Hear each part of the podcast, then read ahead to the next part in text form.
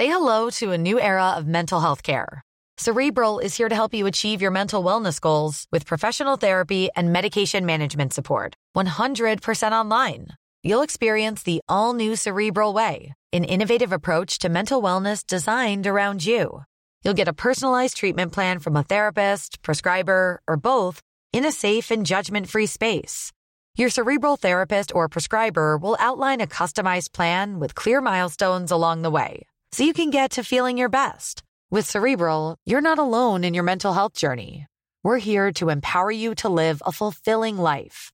So take that first step towards a brighter future and sign up today at cerebral.com slash podcast and use code ACAST to get 15% off your first month. Offer only valid on monthly plans. Other exclusions may apply. Offer ends July 31st, 2024. See site for details. Hey, I'm Ryan Reynolds. Recently, I asked Mint Mobile's legal team if big wireless companies are allowed to raise prices due to inflation. They said yes. And then when I asked if raising prices technically violates those onerous two year contracts, they said, What the f are you talking about, you insane Hollywood ass? So to recap, we're cutting the price of Mint Unlimited from $30 a month to just $15 a month. Give it a try at mintmobile.com slash switch. $45 upfront for three months plus taxes and fees. Promo rate for new customers for limited time. Unlimited more than 40 gigabytes per month. Slows. Full terms at mintmobile.com.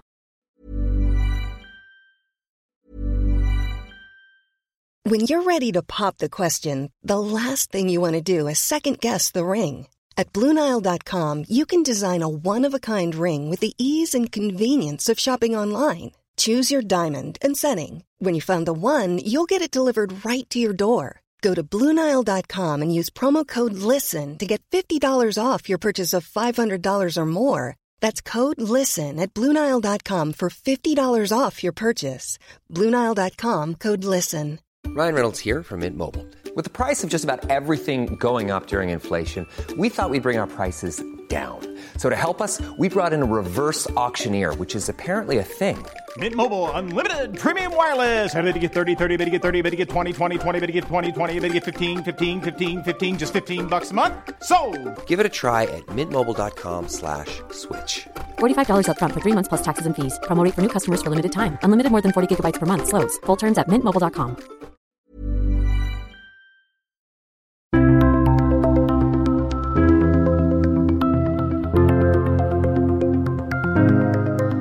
For omtrent ett år siden dukka koronaviruset opp og snudde opp ned på alt. Både her i Norge og i resten av verden. Det gjaldt òg for næringslivet. Noen bransjer har blitt veldig hardt ramma, mens andre har sluppet billigere unna. Dette sa næringsminister Iselin Nybø da hun presenterte nye støttetiltak i høst. Oppblomstring av koronasmitten og smitteverntiltakene har medført store kostnader og ulemper for mange bedrifter over hele landet. Jeg forstår godt at det er en fortvila situasjon for bedriftene, for de ansatte, for familiene, som nå frykter en usikker framtid. Næringslivet er jo vant med oppturer og nedturer, men dette er noe annet enn det vi har sett før. Dette er en vedvarende og uforutsigbar krise for deler av næringslivet vårt. Spørsmålet er om 2021 blir den oppturen alle håper på. Hva tror bedriftene om året som ligger foran oss? Kommer folk til å ha trygge jobber å gå til? Hva skjer i oljebransjen, og hvordan går det med den grønne omstillingen? Det er noe av det vi skal snakke om i denne episoden av Det vi lever av, som er en podkast fra Stavanger Aftenblad, Bergens Tidende og E24. Mitt navn er Ola Myrseth, og med meg nå har jeg Kyrre Knutsen, som er sjeføkonom i SR Bank. Velkommen, Kyrre, og godt nyttår. Tusen takk, Ola. Godt nyttår. I dagens episode skal vi først og fremst se framover, men jeg tenkte vi kunne begynne med et lite blikk eh, bakover. For eh, fra ditt perspektiv, hvordan vil du beskrive det året vi akkurat har lagt bak oss? Det har jo vært et veldig spesielt år. Ehm, jeg tror mange har opplevd det som som med selve liksom korona og helsemessig med det. Det har vært veldig, det har vært veldig alvorlig. Potensielt alvorlig, i hvert fall. Norge har jo heldigvis klart å unngå eh, for mange som har dødd av dette, sammenlignet med ganske mange andre land. Men allikevel så har det hele tida vært en sånn ganske stor grad av alvorlighet. Det har òg vært veldig krevende tror jeg, for mange å få til å gå opp, altså med både hjemmekontor og unger som tidvis er hjemme. og få alt til å, gå rundt. Og så har det jo vært en slags usikkerhet gjennom det hele i forhold til hvordan går det med koronasmitten, hvordan går det med smitteverntiltakene. Som, har, som gjør det jo vanskelig liksom, å planlegge, egentlig, så veldig langt fram i tid. Man må være nokså fleksible og se på de mulighetene som er til enhver tid, og så må du ha en, ja, en slags beredskap på at ting kan endre seg. Og når det gjelder selve bevegelsene bevegelsen i norsk økonomi og for eh, både olja, for de ulike regionene, så har det vært store bevegelser. Først kraftig ned. Eh, det var jo største nedturen i fredstid, egentlig, så det, det, er klart at det var akkurat når det sto eh, i mars-april og det falt eh, ja, 10-15 så, så var det et vanvittig sjokk for økonomien òg. Men det var jo såpass mange støttemekanismer òg som kom ganske raskt på plass, som gjorde at vi òg fikk vist det liksom, med norsk økonomien. At politikerne samla seg, og sammen med næringslivet så fikk man nokså gode løsninger. Så ble det jo bedre utover sommeren og det ble litt lettere på smitteverntiltak, og økonomien kom nok opp igjen, og så har det flata ganske godt ut utover høsten. Eh, og det, var, det er litt sånn interessant òg. Jeg tror nok at Eh, en del hadde håpet at eh, ting skulle normalisere seg utover høsten, men vi fikk jo en påminnelse da mot slutten av året at eh, smitten økte igjen, nye tiltak må til, og da var veksten allerede lav. Så vi har jo sett at arbeidsledigheten f.eks., som jo gikk i taket i liksom steg veldig mye i den første fasen, den har kommet ned, men òg stabilisert seg. Og nå er det fortsatt omtrent dobbelt så mange arbeidsledige som før korona. Så det ble jo en av liksom, de viktige jobbene da, etter hvert som vaksinen kommer mer på plass og vi kan begynne en gradvis normalisering, det er jo å sørge for å, å skape aktivitet og få folk i jobb igjen. Så det har vært et spennende år, et krevende år, og så eh, er vi nok nå litt glad for at sola har snudd. Det er en slags eh, lys i enden av tunnelen. Eh, men det er jo et, et stykke igjen til ting begynner å normaliseres. Mm det er jo ikke lett å spå om framtida, og det har jo det siste året vist, som du, som du, er inne på. Vi gjorde jo dette her for et år siden og skulle se litt framover mot året 2020 og, og, hvordan det skulle uh, gå. og Ingen kunne jo forutse hva som skulle skje da. Men hvert år så kommer dere i SR-Bank med fire konjunkturbarometere. Årets første barometer ble offentliggjort nå tidlig i januar, og det er jo òg det, det årlige hovedbarometeret. I disse målingene så tar dere jo da pulsen på næringslivet i Sør-Norge og måler hvilke forventninger bedriftene har til framtida. Sånn helt overordna, hva forteller det siste barometeret? I det siste barometeret nå så har vi overskriften eh, fortsatt utfordringer, eh, men bedriftene venter oppgang for 2021 samla sett. Og det henspeiler på at i det korte bildet så, så er bedriftene nokså eh, forsiktige og venter faktisk litt lavere aktivitet. Men hvis vi ser på 2021 samla sett, så er det et eh, flertall av bedriftene som venter oppgang. Vi har jo en sånn eh, hovedindeks da, som måler andelen positive bedrifter. og Når den er over 50, så venter de vekst. Og, for, og på det siste barometeret nå, så er det altså den hovedindeksen er på 55% Så de venter moderat vekst da, for eh, 2021 eh, samla sett. Hvordan er de resultatene dere nå har kommet fram til, sammenlignet med det bedriftene sa sist dere spurte de nå i høst? Det er jo veldig interessant å se på denne her indeksen for ett kvartal siden, så var den på 50. Så um, du kan si at Og det var jo da i ja, september-oktober, så da venta bedriften en utflating um, det neste året for ett kvartal siden. Og spoler vi enda litt lenger tilbake igjen i mai, så var den indeksen nede på 44. Så da var det flere bedrifter som venta nedgang enn oppgang.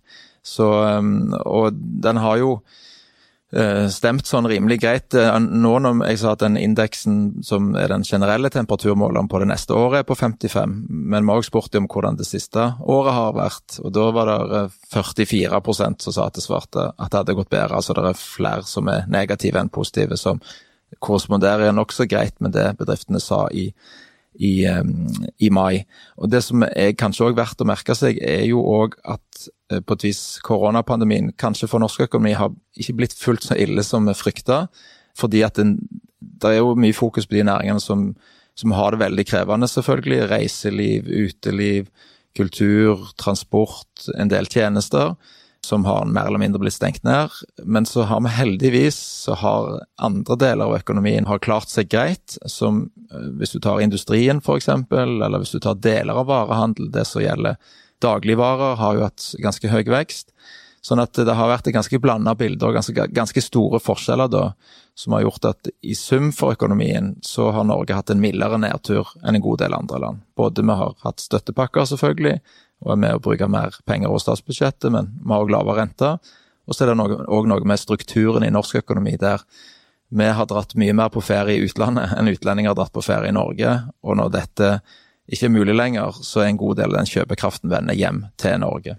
Og så er det sånn at dere spør bedriftene om utsiktene de neste tre og de neste tolv månedene. Er det noen forskjell på hva de tror på veldig kort sikt og på litt lengre sikt?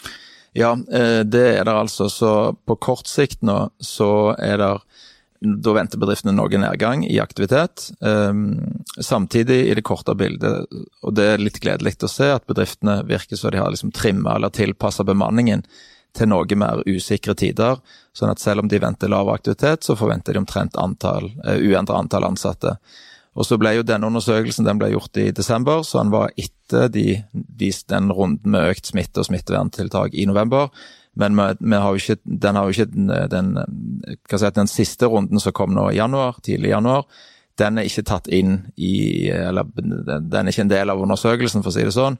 Men samtidig så tror jeg nok en del av bedriftene òg at de i større grad utover høsten måtte leve med et bilde der det var smitten kunne komme enda mer opp, eller den hadde allerede steget, og eventuelle nye smitteverntiltak. Så Sånn sett så tror jeg nok òg at det bildet som gis i barometeret står seg greit, selv om kanskje de siste, den siste runden med tiltak og økt smitte kanskje vil redusere utsiktene noe for noen av bedriftene. Særlig de som er avhengig liksom, at folk kan ferdes fritt i, i bysentrum. da. Og, vi, og Det er det korte bildet. og Ser vi litt, litt lengre sikt, så er de altså mer positive på tolv måneders sikt. Så En eller annen gang i løpet av 2021 så legger bedriften til grunn at uh, dette snur, um, og at veksten kommer opp. Og dette nivået på 55, som jeg sa, det indikerer moderat vekst. Eh, men det indikerer ikke sånn veldig høy vekst. Eh, spoler vi tilbake igjen ett år, så lå jo indeksen opp mot 60. Eh, sånn at, og Tidligere så har vi vært over 60 òg, sånn at de venter vekst, men det er nokså moderat vekst. Så vi kan nok si at bedriftene er litt varsomme òg i sine vekstforventninger, selv om de venter et omslag i løpet av året.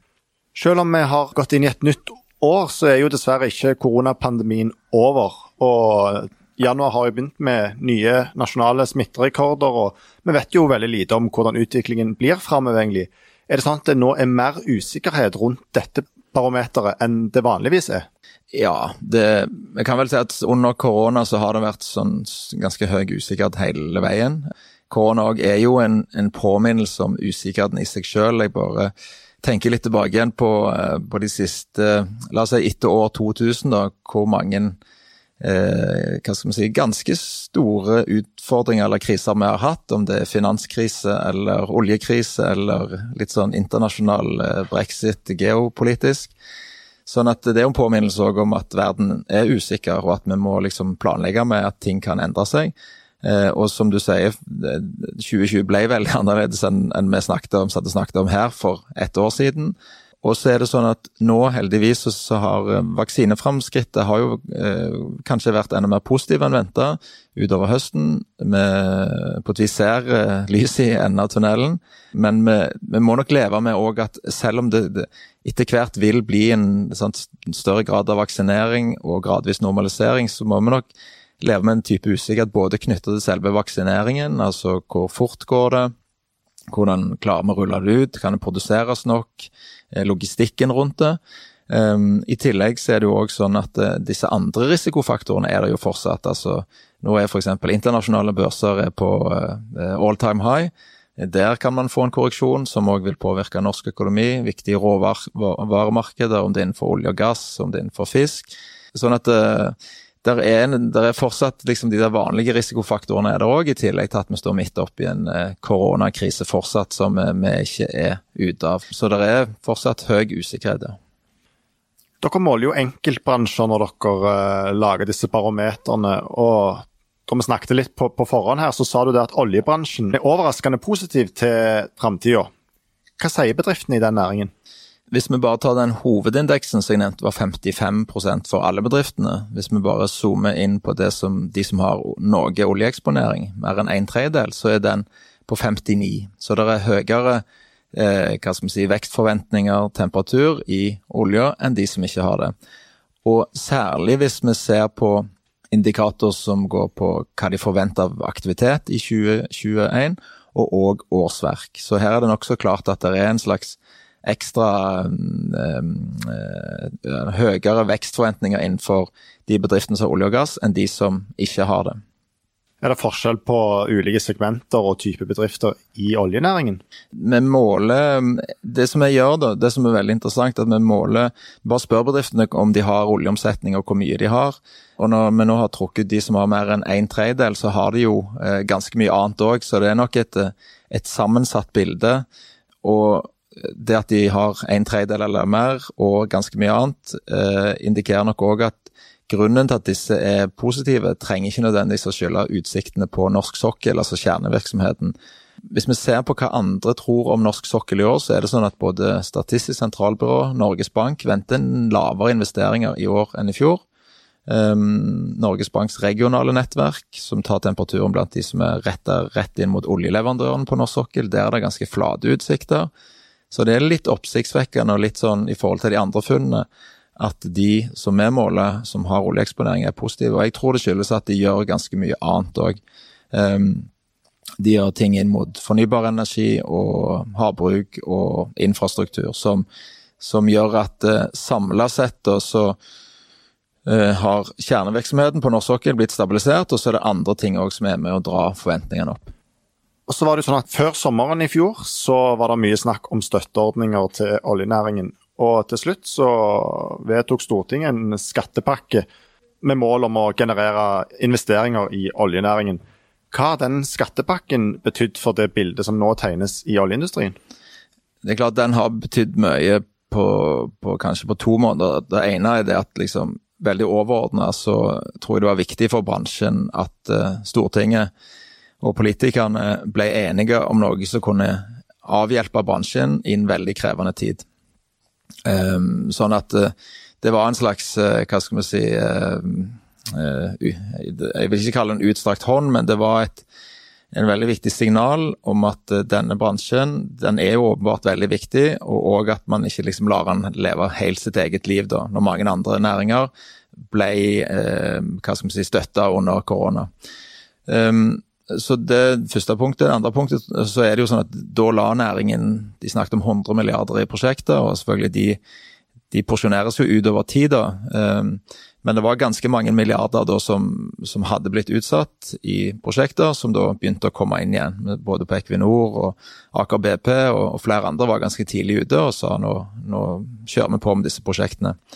Um, og det tredje punktet tror jeg som er ganske viktig i en litt sånn større sammenheng, det er det at hvis vi skal få til en god omstilling, eller fortsette en god omstilling av norsk økonomi i mer bærekraftig retning, um, få til et energiskifte, så er det nokså viktig, tror jeg, at mange av disse bedriftene de er de som driver um, De blir nokså sentrale i den omstillingen. Da. Vi ser bare på Equinor, f.eks. Når de bestemmer seg og beslutter å gjøre fornybar, så blir det en vanvittig kraft i den eh, satsingen de gjør, som mange av underleverandørene kan være med på. Og Da får vi vridd kompetansen innenfor den sektoren i norsk økonomi og den viktige leverandørindustrien, sånn at man ikke bare er avhengig av det som skjer innenfor olje og gass.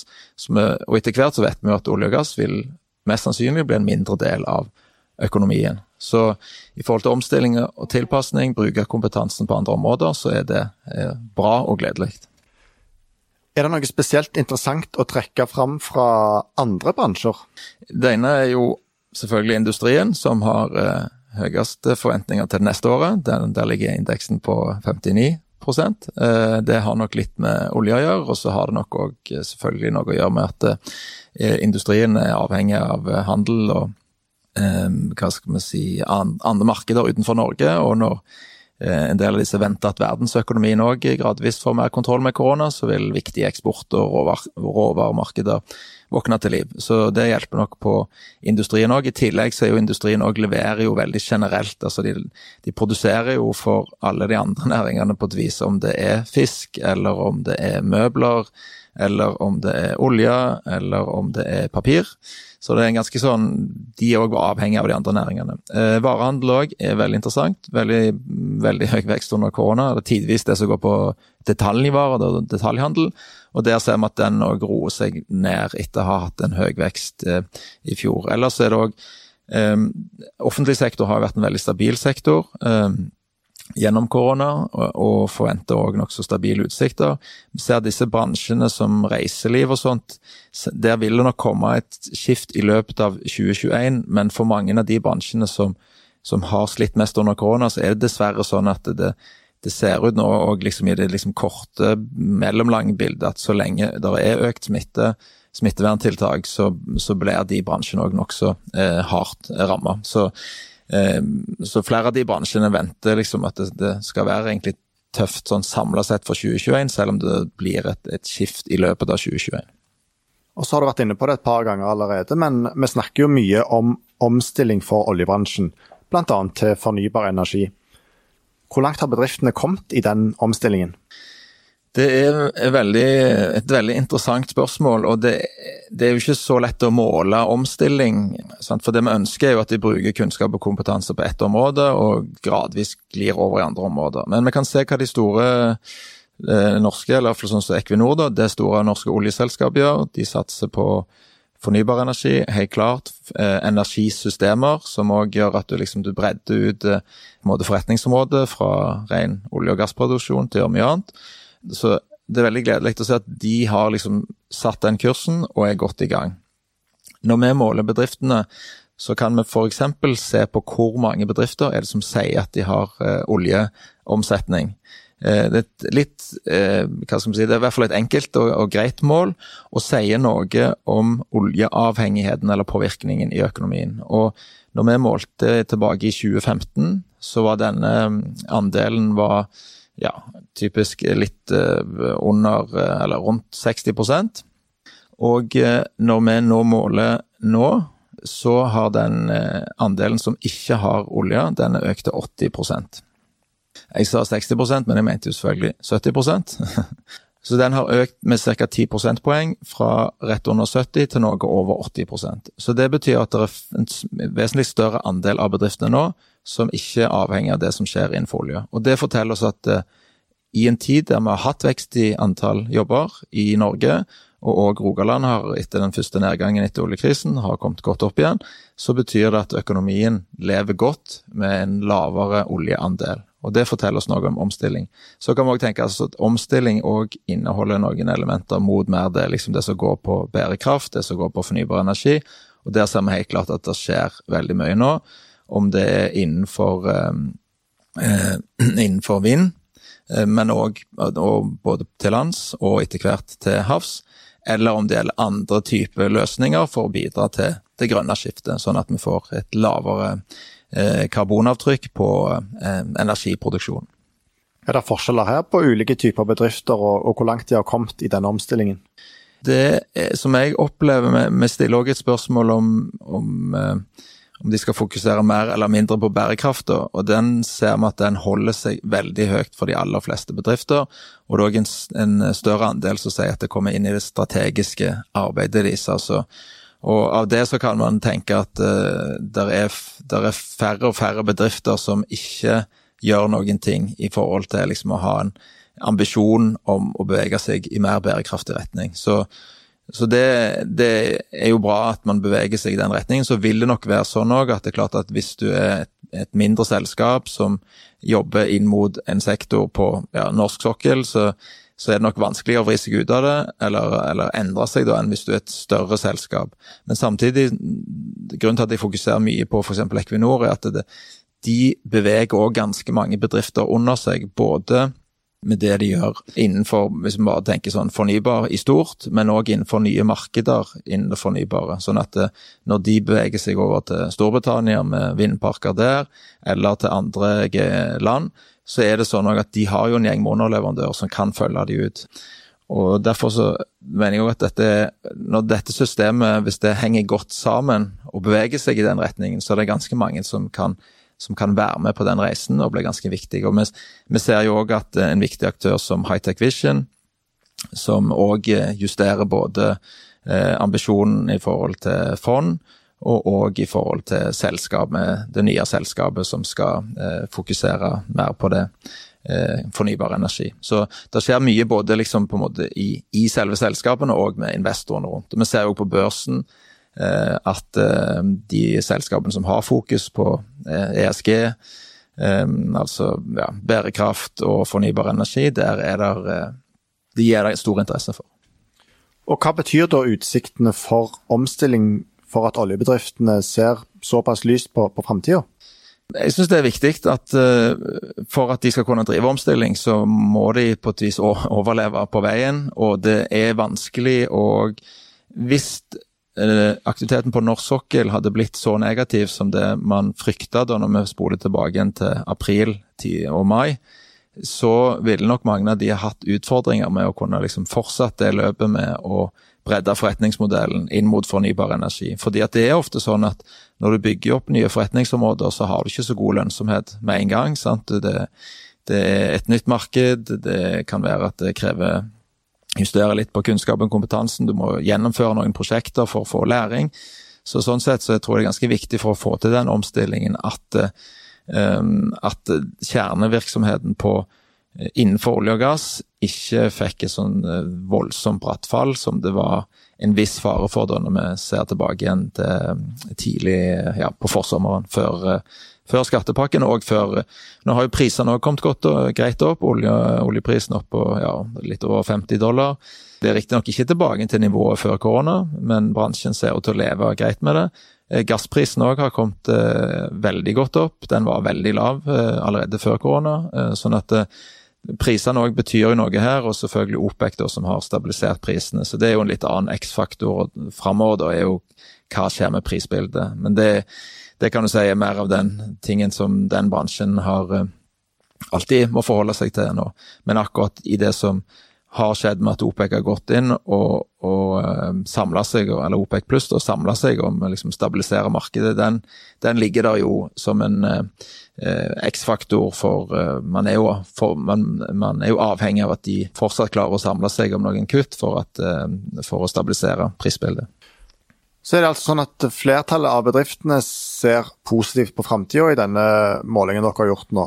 Men investeringsnivået er fortsatt uh, dempa framover. Hva innebærer det? Det kan skyldes flere ting. Det ene er rett og slett at det er ledig kapasitet. Um, sånn at uh, det er jo litt sånn uh, for, uh, for, en del bedrifter at hvis du har mulighet til å produsere mer med den kapasiteten du har, de maskinene, de folka og den organisasjonen du har, så trenger du ikke investere mer. Så du kan si at vi ser det òg når vi måler liksom ledig kapasitet i norsk økonomi, at nå er det ledig kapasitet. Så, og hvis det er det på for mange nok enkeltbedrifter, så kan de øke aktiviteten uten å investere mer. Det andre kan være at det er òg usikkerhet i seg selv gjør at bedriftene kan holde tilbake på investeringer. Det ser vi i perioder med høy usikkerhet. at da hvis du skal ta på deg en stor investering, som riktignok genererer aktivitet og, og kapasitet over tid, så skal du være sikker på at etterspørselen er der. Det kan òg komme av at eh, teknologiske endringer gjør at du er litt usikker på hva du skal investere i. da, eh, for å øke kapasiteten din. Så det er nok flere grunner til det. Ehm, og ehm, i hvert fall så lenge eh, der er ledig kapasitet, så kan vi nok forvente at liksom bedriftene bruker den før de eh, begynner å investere mer igjen. Så eh, når, jeg, når, jeg, sier det demper, så er det jo omtrent et uendra investeringsnivå som bedriftene melder om. det. En ting veldig mange er opptatt av, er jo utviklingen i arbeidsmarkedet. I dårlige og usikre tider er det jo òg større usikkerhet i arbeidsmarkedet, og spørsmålet er om folk har trygge jobber å gå til. Dette er jo noe dere undersøker i Barometeret. Hva sier bedriftene om arbeidsmarkedet? På kort sikt så sier de omtrent uendra sysselsetting, og de neste tolv månedene så sier de at eh, der er det et flertall av bedriftene som skal ansette. Eh, så, og Det betyr nok at vi må leve med den høye arbeidsledigheten som vi har nå. Den er jo som nevnt nesten dobbelt så høy som normalt eh, en stund til. Men at vi nå, når vi møtes neste år, så tror vi, basert på det bedriftene planlegger med nå, at det vil skapes flere jobber utover i 2021 og at det vil kunne dra ned arbeidsledigheten. Nå er det en, ja, i underkant av 4% som er helt ledige. Eh, og den, eh, disse tallene våre indikerer at den kan komme ned mot 3% i løpet av 2021. Så en positiv utvikling, men det er fortsatt et stykke igjen da, til der vi var før korona. Da var vi på lave totallet.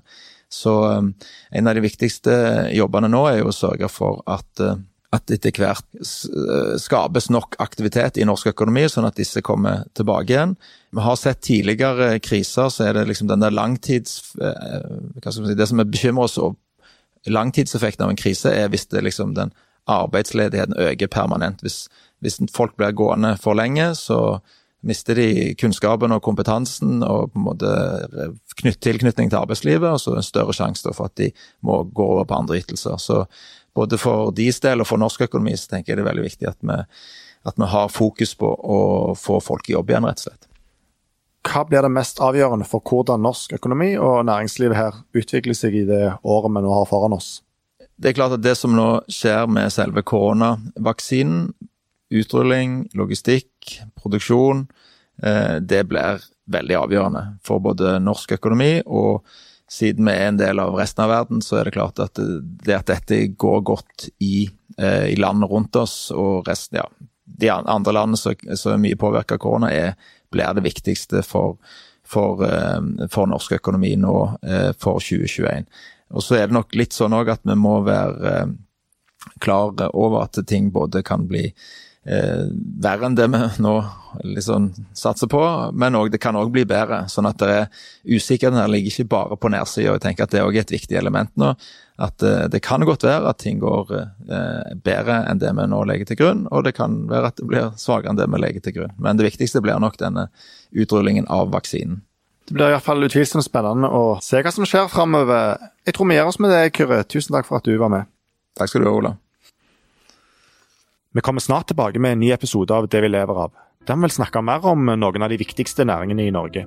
I mellomtida tar vi gjerne imot innspill til temaer vi kan ta opp i podden. De kan du sende til ola.myrseth.aftenbladet.no. Produsent for podkasten er Henrik Svanevik. Jeg heter Ola Myrseth, og i denne episoden har du hørt lydklipp fra Scanpix. Takk for at du hører på.